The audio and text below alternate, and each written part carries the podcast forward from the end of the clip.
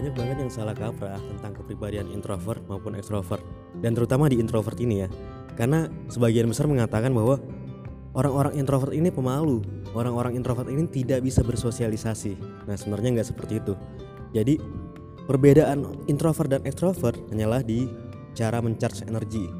Jadi, ketika berada di lingkungan sosial, orang-orang introvert kecenderungan lebih mudah lelah, lebih cepat lelah, sehingga dia untuk mencharge energinya dengan cara menyendiri. Sedangkan orang-orang ekstrovert, dia ketika berada di tempat ramai, dia justru malah semangat. Itu sumber energinya. ya. Justru orang-orang ekstrovert ini lebih mudah lelah ketika dia harus berada sendirian. Nah, jadi hanya berbeda di cara mencharge energi.